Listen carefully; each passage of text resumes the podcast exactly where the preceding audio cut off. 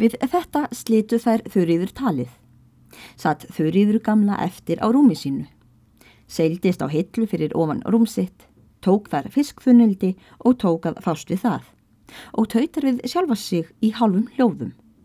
En húsfreyja gekk fram á loftið og að rúmi vinnukonu einnar er þar svaf.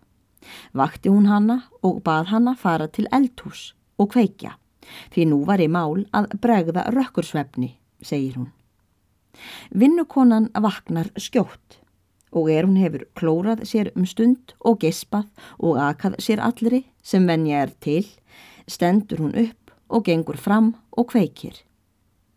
Vaknar þá hver af öðrum í baðstofu og setjast konur á rúm sín og taka til vinnu. Þar voru þrjár vinnukonur, Sigriður, Guðrún og Ástríður og spunnu þær en vinnumadur einn sá er Rúlfur hétt, satt þar all skamt frá á kistli og var honum ætlað það verk að kempa fyrir þær á kvöldum.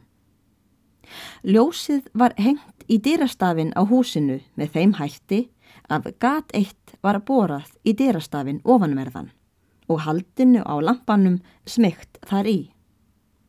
En því var ljósið þar sett að það mætti lýsa inn í húsinu og svo fram á loftinu að ekki þurfti nema eitt ljósið í baðstofunni. Undir dyrastafnum á lofthúsinu að innanverðu, þeim megin sem ljósið var, var settur stóll einn og lagður svævill á ofan. Þar var húsfreyja vun að sitja á kvöldum, er hún var að saumum eða gjörði eitthvað annað sem ljósvant þótti.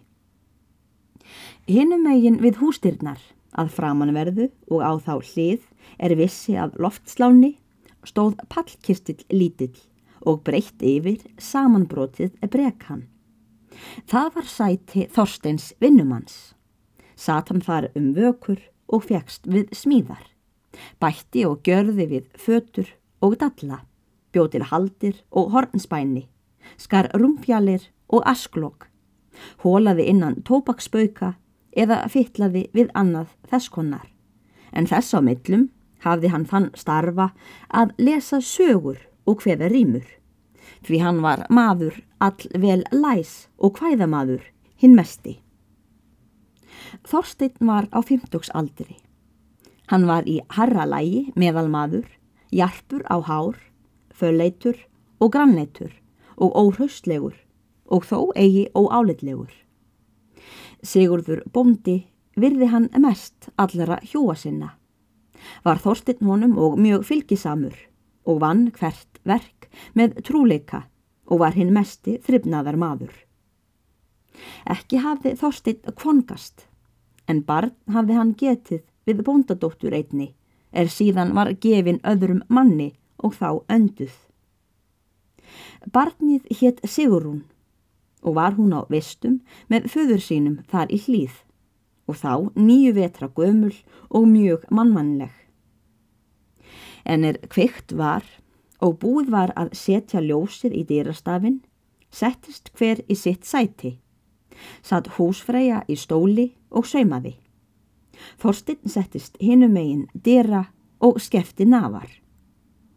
Sigurður bondi vaknar nú einnig og litast um. Ser hann þá að fólk er sest að vinnu. Spyr hann húsfreyju hvort langt sé þegar liðið að vöku. Segir hún honum sem var að fyrir skömmu væri búið að kveikja. Gengur hann síðan þar í hortnitt á húsinu og tekur hrosshásfléttu eina og bregður öðrum enda undir sperrukjálka, gagvart rúmi sínu. Sest síðan niður og tekur að flétta. Líður svo fram nokkra stund af vökunni að fátt er talað í baðstofu. Kemur nú smalamadur heim. Ekki var honum ákveðið neitt verk á kvöldum, enda kunni hann lítið til ullarstarfa. Lá hann jafnan um vökur og svaf efur gambraði við konur og þótti vel sækjast vinnan ef hann vatt af einni snældu allt kvöldið eða prjónaði nokkrar umferðir neðan við soksinn. Nú kemur smali inn, gengur hann að rúmi sínu. Það var gagvart loftsuppgangi Tekur hann hatsinn og vettlinga, hendir því til fóta í rúmi sínu, flegði sér síðan endillangur upp í loft um þvert rúmið og let bífurnar liggja fram á mitt loftið. Engin mælti orð til hans, enda yrti hann á engan. Líður nú svo um hríð að allir þeia í baðstofu og setur hver þar sem hann er komin við vinnu sína. Loks tekur húsfreyja svo til orða við Þorstein. Mér virðist, segir hún, ofur döft og þegjandalegt hérna Þorstein minn í kvöld. Ljúktu samt útað við nafrinn þinn, en svo líst mér á stúlkurnar mínar sem þær vænti vennjunnar að þú lesir eða hveðir eitthvað fyrir þær. Þorstein segir að lítilmundi þess von, fyrir nú hefði hann nálega lesið upp allar þær sögur er til væru þar á bæ. Húsfreyja sagði að ekki mundi hvaðskapurinn síður þegin. Enda hefur þú sjaldan hveðið fyrir okkur í vetur, en ganagð er til að fallegum rýmum. Heimilisfólk gjörði góðan róm að máli húsfreyju og sögðu hann að hafa vel mælt og skörulega og báðu allir Þorstein að hveða.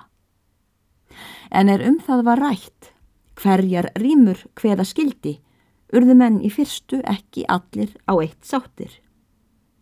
Bónda þótti best til fallið að hveða rýmur af Rolland eða Þerakutt. Sagði að þeir hefðu verið hinnir mestu garpar og kappar miklir. Griðkonur sögðu að fáar rýmur myndu beturi en brönurýmur. Rólfur vinnumadur lagði all fátt til þeirra mála. Sagði að engin fornmanna væri sér jafn kær sem grettir. Hvaðst þó ógjörðla vita hvort af honum væri gjörðar rýmur nokkrar. Smalamadur lá í rúmi sínu og heyrði á umræður manna. Leggur hann í fyrstu fátt til málana, en svo kemur að hann þykist ekki lengur afskiptalauðs hjá þeim málum sitja meiga. Rýs hann nú upp og segir Eru rýmur af herrauði og bósa hér til Þorstein?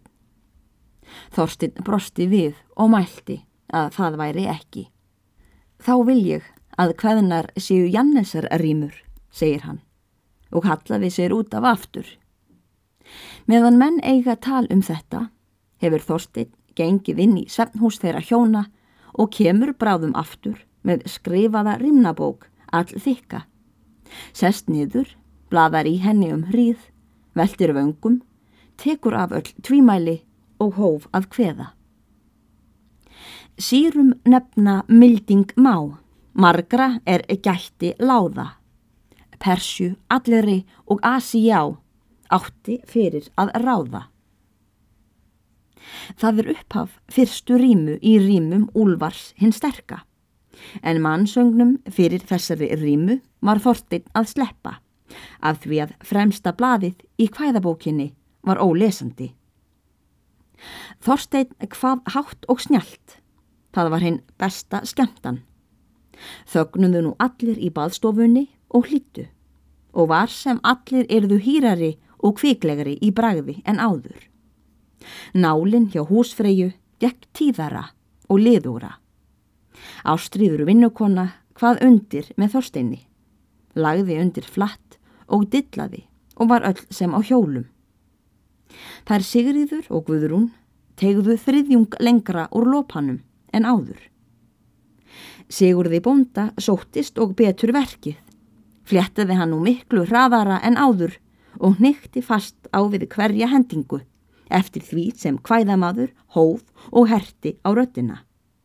Hveður nú þóstinn lengi og vel og kemur svo að hann hefur lokið henni fyrstu rímu. Tekur hann þá kvild nokkra Áður hann byrjar hérna næstu rímu og fara konur að tala um söguna.